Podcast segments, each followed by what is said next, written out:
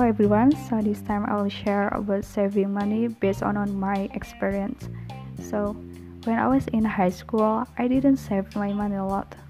But now I get money per month, but this method is more or less the same because if you get the money every day, for example, we allocate that if we have 10,000 per day from Monday till Saturday, it means we will get 60,000 rupiah and we times 4 we'll get 240,000 every month.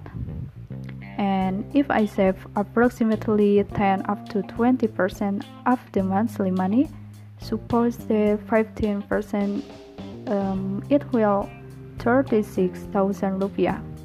So per month you have to be able to save your money at least 36,000 rupiah. Now 36,000 rupiah divided by 26 it's because we only have 6 days. Okay so that is 1500 rupiah. Now at least in a day you must save your money 1500 rupiah.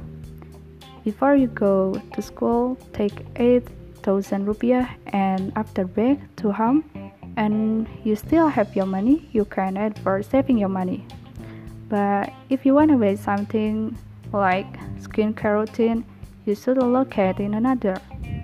For example, take 2000 rupiah to save for skin routine for your money, okay?